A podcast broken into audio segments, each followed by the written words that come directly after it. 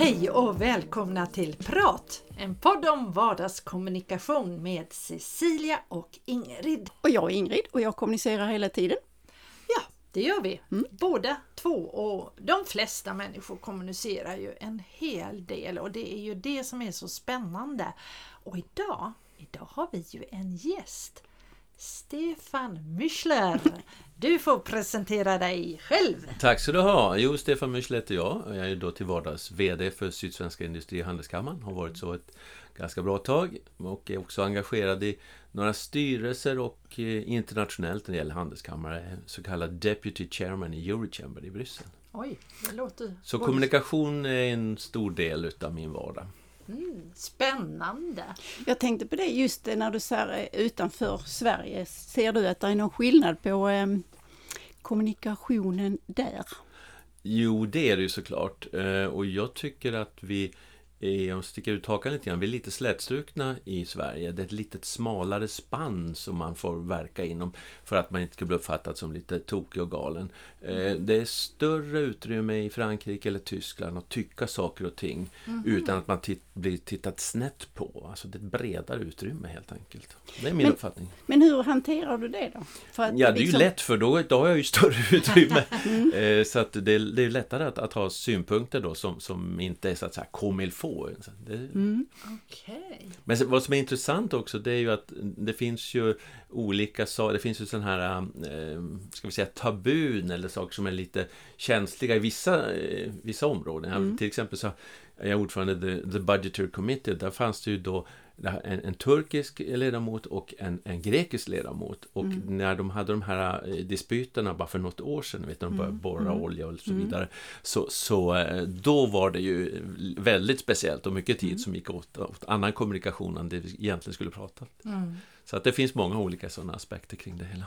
Men om du tycker att vi är för slätstrukna eller om du kan använda större gester utanför Sverige, hur Behöver du anstränga dig för det, eller hur? Nej, för mig känns det rätt naturligt. Så jag, jag, tycker det är ganska skönt faktiskt. Att, för jag tycker att vi i Sverige är vi, är vi, vi är lite ängsliga, har blivit lite ängsliga. Så här, nu ska man tycka si och så. Mm. Det här är, är, är rätt och då om jag tycker så här, då är, jag, då är jag en fin människa som gör rätt och tycker så här, oj oj oj, det där var ju, det var ju jobbigt, det där tycker ju inte folk, ska jag stå upp för det? Så att, det kan jag tycka. Så du föredrar att kommunicera i...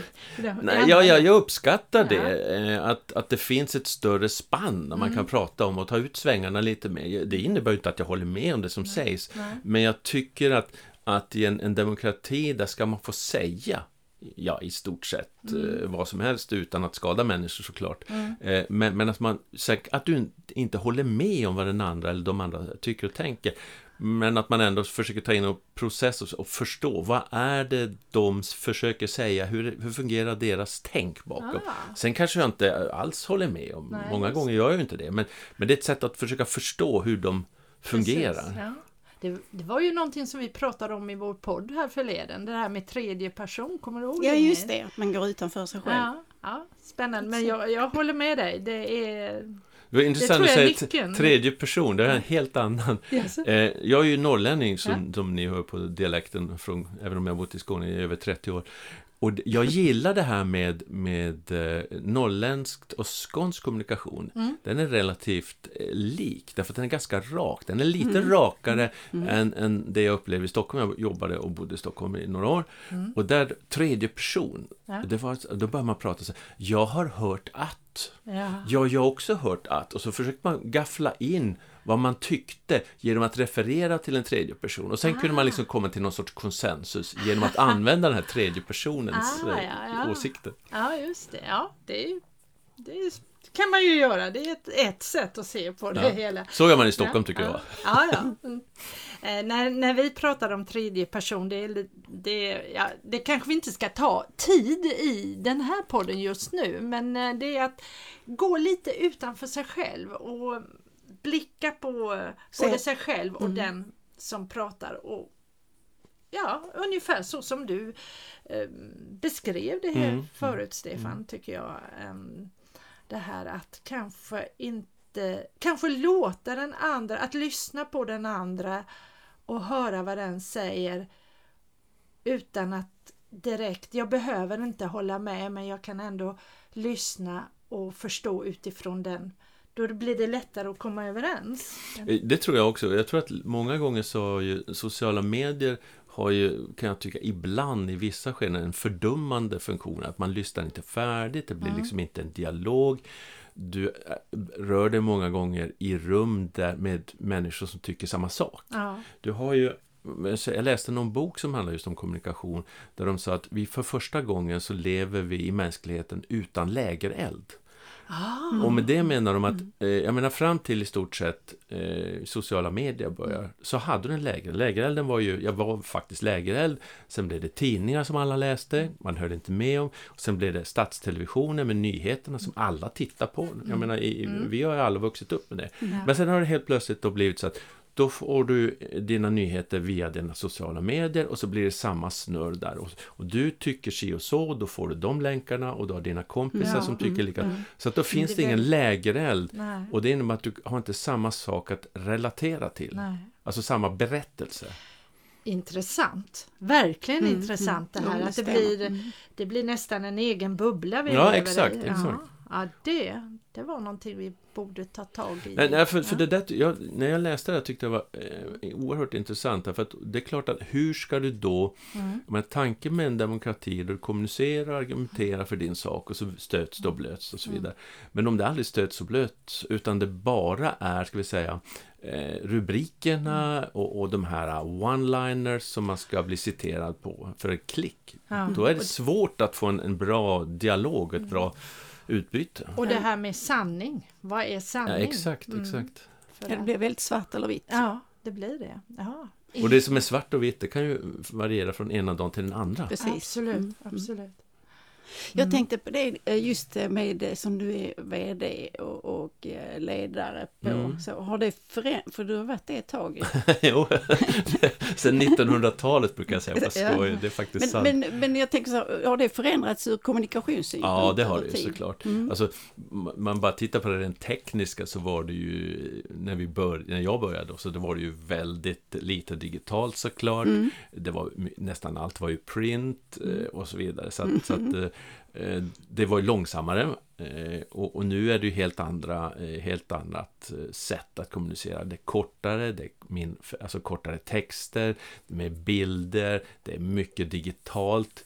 Alltså enkelt uttryckt tidigare om vi hade haft ett, en ståndpunkt i en fråga så kunde vi då skriva en sorts en PM på mm. fyra, fem sidor.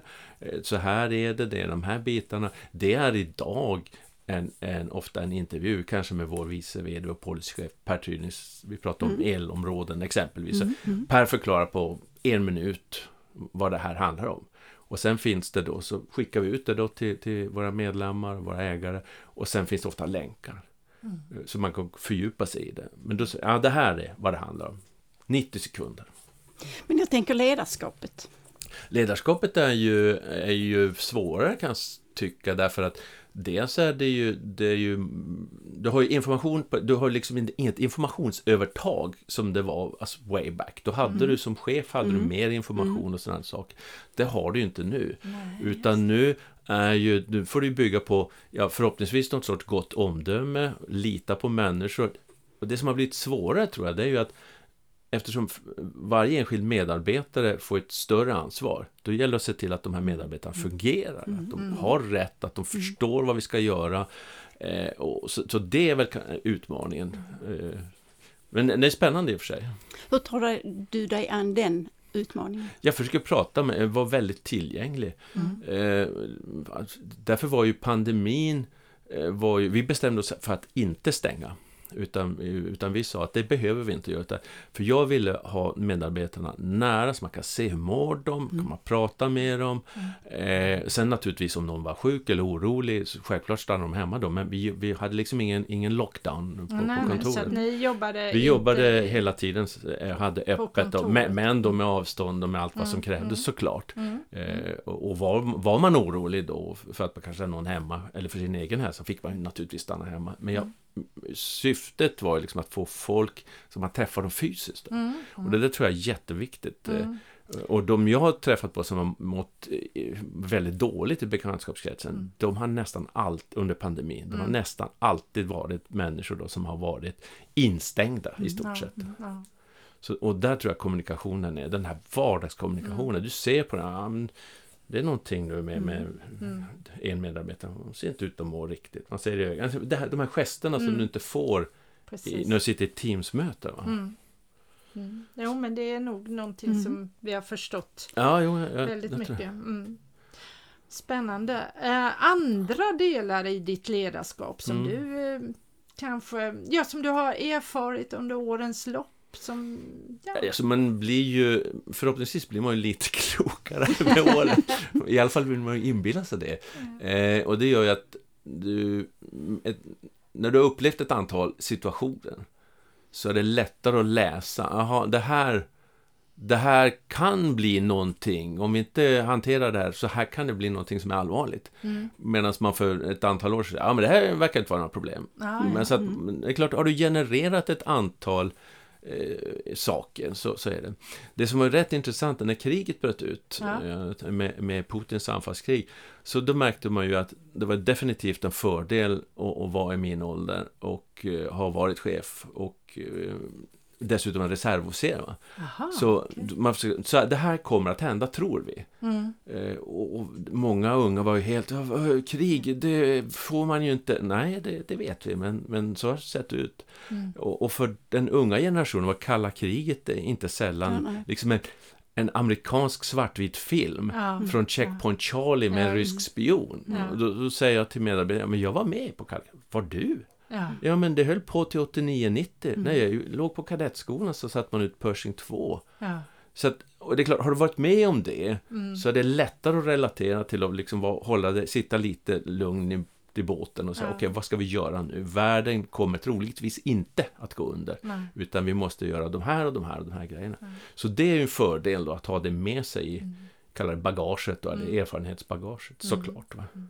Men sen också, jag tänker ledarskap är ju otroligt olika i olika länder. Oh ja. Vi, du pratade ju innan då om kommunikationens breda mm. i andra länder. Men, men ledarskapet, hur upplever du det när du kommer till andra länder? Det, det måste ju också vara... Det, det är lite intressant eh, därför att man brukar prata om i det militära, om man får hemfalla åt det som gamla reserver, så det som kallas uppdragstaktik, som är någonting som vi har haft i, i svenska armén och försvarsmakten, där berättar man vad man ska göra. Ja. Vi ska göra mm. si och så och så och så i ja. syfte att. Ja. Och sen får man en order, då ska mm. du göra det och du ska göra det. Mm. Men sen finns det här kommandotaktiken då som, som man använder sig av då, typiskt i, i, i, diktaturer, men även faktiskt i amerikanska och, och engelska arméer i mycket större utsträckning. Där man talar om, du stormar den kullen. Jaha. Aha. Och så stormar man den kulan så blir chefen bortskjuten brutalt uttryckt. Så sitter de andra och jaha, vad gör vi nu? Ja. Och så min det där brukar jag ha på, i bakhuvudet, säga, du måste berätta för folk varför vi gör ah. saker. För då fattar de. Och har du bra medarbetare, och det, det har jag ju tur att ha, eh, och då fattar de, okej, okay, men då händer det. Det har inte chefen eller min, en annan chef hos oss sett. Men då ska vi ändå göra så och så och så. Mm. För det blir självgående. Mm. Och, det, och det där tror jag är vi är duktiga på. Det där vet jag att många, vi är duktiga på det i, i, i i, Norden. Mm. Och, och det är många som sneglar på det och liksom, vi skulle vilja göra lite mer som mm. Skandinavien. Men man vågar inte för man har lite för hierarkiska system ja, och sådana grejer. Men du, du sa någonting att om man har bra medarbetare, vilket jag har turen att jag har. Mm. Jag tror ju inte att det är tur. Jag tror att det handlar om lite grann hur du får dina medarbetare att bli bra. Ja, det, det får jag hoppas i alla fall. Och det är, ju, det är väl syftet, i så fall man väl gjort någonting bra. Det kanske har lite grann med det här som du säger, att eh, som medarbetare att jag får veta varför. Eh, exakt. Mm. Och det är också viktigt, det är inte säkert att medarbetarna håller med. Nej. Men de måste veta, nu gör vi mm. så här. Mm. Och då kanske någon har sagt, vi, vi borde gjort så här istället. Mm. Och då kan du ju göra det enkelt för sig. Nej, så gör vi inte, utan vi gör så här. Men jag säger, eh, ja, jag hör vad du säger, men utav det här och det här och de här skälen så gör vi så här. Ja. You may like it not, or not, mm. men du har fått veta varför. Ja. Och det tror jag är viktigt, för mm. det finns ju ingen chef som fattar beslut som alla håller med om. Nej, för nej, då är det ju inte chef längre. Utan... nej, det går nog inte att få alla att hålla med eh, även som privatperson. Nej, nej, men självklart, va? det vore ju konstigt om, om, om, alla höll med om allt. Det, ja. det hade varit egentligen ganska trist. Ja. Ingen dynamik alls om. Som någon sa någon gång, om livet vore så enkelt som jag önskar att det vore så skulle jag dö av leda. ja, faktiskt. Det ligger nog mycket i det. Mycket i det ja. Mm. Jag tänker på eh, i de sammanhangen där du pratar eh, med många människor mm. eh, som åhörare. Mm. Hur ser du på att få med, att liksom få ut ditt budskap och få, ja, få tillbaka att man förstår? Alltså det där, lyssnar på det där, Ja, det där är ju... Alltså det finns ju de här klassiska knepen. Liksom börja med något spännande så man liksom fångar eh, mm, mm, uppmärksamheten. Mm. Och sedan eh, så, så märker du ju... Har man pratat många gånger inför människor så, så då lär man sig naturligtvis någonting. Det är, mm. och då märker du om du får kontakt. Mm. Och vissa grupper är jättelätt att få kontakt med andra grupper. Det är ju svårare. Där.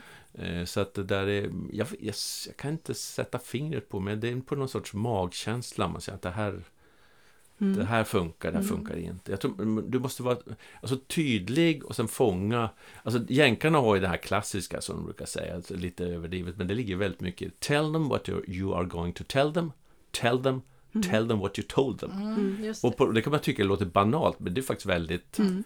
Väldigt enkelt. Mm. Jag som jobbar med retorik, där, där är, då säger vi det på svenska. Tala om vad du ska ja, säga, förlåt. säg det och tala om vad du har sagt. ja, det, men, men, eh, så det, och det, jag håller med dig. Det, mm. det är ju så att vi kommer ju ihåg, vi måste ju fånga intresset mm. först.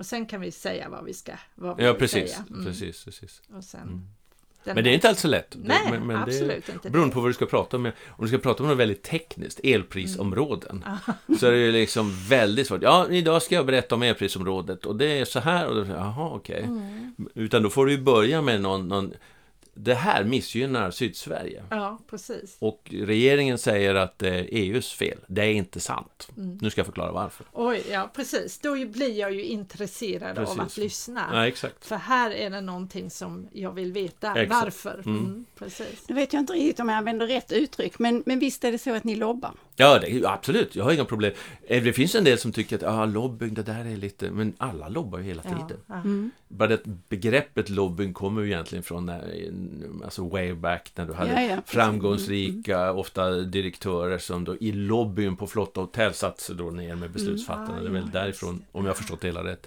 uttrycket. Men alla lobbar ju påverkar. Om du är influencer, om du är privatperson, om du är politiskt parti så att alla lobbar för sin sak. Absolut. Och där måste det också handla, handla väldigt mycket om kommunikation på olika sätt för du måste nå eh, alltså, ja, politiker av olika kaliber och så vidare. Det handlar ju mycket om kommunikation men det handlar också om en sak som och att du verkligen är påläst. Att du vet, ja. alltså du har mm. rätt mm. faktiskt. För att i det långa loppet är det ju lätt att ta en, ska vi säga, en billig kortsiktig lobbyingseger. Mm. Eh, en, någon tillspetsad formulering eller mm. titta här och... Eh, men om inte det här håller i långa loppet så, så är det väldigt svårt. Mm. Och därför lägger vi väldigt mycket på, på alltså rapporter och utredningar, mm. inte sällan eh, material som vi själva har tagit fram. Mm. Eh, som bygger på, för att kunna visa att det här är det här är bakgrunden till det vi säger. Mm. Och vi ska ju representera ju dessutom då näringslivet i hela södra Sverige. Mm. Det är klart att vi måste veta vad vi pratar om. Vi kan inte bara sticka upp fingret och ja, det här verkar rätt. Utan, utan det måste vara förankrat. Mm. mm. Och, och, ju mer du vet och ju mer fakta du har, desto, desto lättare har du att nå fram. Sen kan det ju vara vissa skeden så är en fråga ganska död, ointressant, det är svårt att komma fram. Och sen helt plötsligt så öppnas fönstret och då blir någonting eh, intressant. Eller mm. därför att det har hänt någonting i, mm. politiken mm. eller samhället. Va? Och då gäller det att ha facts and figures, alltså fakta, mm. klart mm. i, i, i hyllan. Alltså, så här ser det ut. Eh, det, finns, det fanns ju Eh, tidigare, om ni kommer ihåg, så fanns det SAF, Svenska Arbetsgivarföreningen, och så fanns det mm. Industriförbundet. Mm. Och då la man ihop det där. Mm. Det där tror jag personligen var ett kommunikativt misstag. Därför att SAF var ju, de var ju ganska, ska vi säga, ideologiska, man pratade om, om fri företagsamhet, mm. man, man var ju den i, i mångas, i, på vänstersidans ögon, den elake ja, kapitalisten ja, som ja, drev och ändå ja. argumenterade för det. Industriförbundet som hade precis samma medlemsföretag i stort sett, de var ju experterna. De drev inga kampanjer, utan de satt där och nu har vi utrett det här och så här ser det ut. Nu när man har slagit ihop detta så är man varken eller riktigt. Mm. Så ur det kommunikativa anslaget så kan ni ju också, de här tre i dramaturgin, ja. den, den som bestämmer, den som har drabbats och så experten. Ja, och då gäller det att i vår roll vara experten, mm. den som talar om att Nej, men så här tror vi att det ska vara. Mm. Och då måste man ha fakta. Ja, absolut. Ja, Spännande! Mm. Oj, ja det här skulle vi kunna hålla på och prata om i evighet. Ja men du brukar säga så här, du ska vi sammanfatta, det brukar du ju vara så duktig på. Har du någonting nu som vi kan liksom... ja, jag tror att jag lämnar över ordet till Stefan igen. Hur skulle du vilja sammanfatta det här? Oj, nu. Ja, ja det, det var en bra fråga. Nej men, men jag tror att eh, som sagt kommunikation har blivit både lättare och svårare. Mm. Eh, lättare därför att det är tekniskt sett lätt att nå ut, du, ja. kan nå ut. Men samtidigt är det svårare därför att konkurrensen är mycket större. Det är så många andra som och sedan det här med lägerelden, det vill säga mm. att nu lever många i sina egna bubblor och får mm. all sin information och kommunicerar inom bubblan och träffar då inte på åsikter från andra bubblor. Mm. Och det där gör det ytterligare svårare och det tror jag är en utmaning för mm. framtiden när det gäller kommunikationen. Mm. Och sedan då avslutningsvis så tycker jag att vi i Sverige är lite väl ängsliga att mm. ta ut svängarna och ta berätta vad vi tycker och tänker. Och lyssna på den du inte håller med om, ja. men ändå för att förstå. Ja. Eh, och det är inte lätt som det ser ut nu, men det tror jag är vår utmaning. Spännande. Det jag, ska, kan man säga så som intervjuare? Jag håller med. Men just här, det är en, ja, en väldigt bra sammanfattning och just den här, det fick mig faktiskt att tänka till det här med lägerelden. Mm. Uh, för jag tror personligen just att mötet med olika människor, mångfalden och att lyssna och ta till. Man, vi behöver, och inte vara mm. rädd bara för att jag lyssnar och så behöver, betyder inte det att jag håller med. Men ta Exakt. in det och reflektera mm, mm, över mm. det. Det tror jag är eh, kanske nyckeln till framtidens kommunikation. Men det är många utmaningar mm. som du säger. Mm. Tack! Tack, tack själva, tack för att jag fick komma hit. Tack. Ja. Och tack för att du har lyssnat. Vi hörs igen nästa torsdag det. och eh, har vi något ämne för det du? Nej, jag satt och funderade på det. Jag tror inte vi har det. Nej. Nej. Men då får det väl bli en mm. överraskning. Precis. Vi kommer i alla fall igen på torsdag 7.30 nästa vecka. Ha det så gott! Hej då! Hej då!